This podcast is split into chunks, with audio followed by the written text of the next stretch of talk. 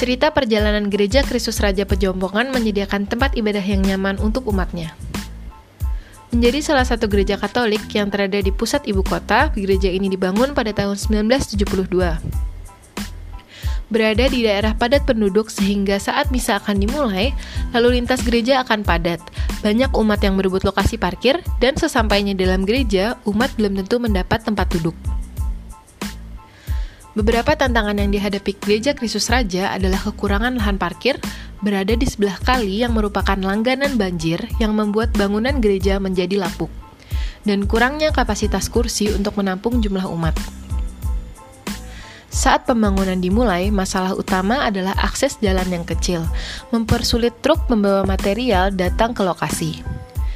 Izin pembangunan ibadah yang sempat terhambat karena gereja bukan hanya merenovasi, melainkan melakukan pembangunan ulang.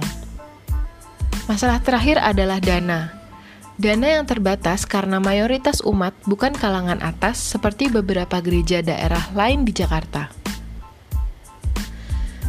Setelah perjuangan empat tahun untuk membangun ulang gereja, layaknya yang dijelaskan Romo Rohadi, Tuhan memberikan bonus antara lain salib Yesus dari pohon jati utuh yang pembuatan dan pengirimannya merupakan hasil kebaikan hati Iwayan Winton, serta tiga patung lainnya. Altar berada di lantai dua untuk menghindari banjir. Ornamen indah dari gereja ini adalah lonceng antik seberat 2,5 ton terbuat dari tembaga yang dibuat di Albany pada tahun 1937.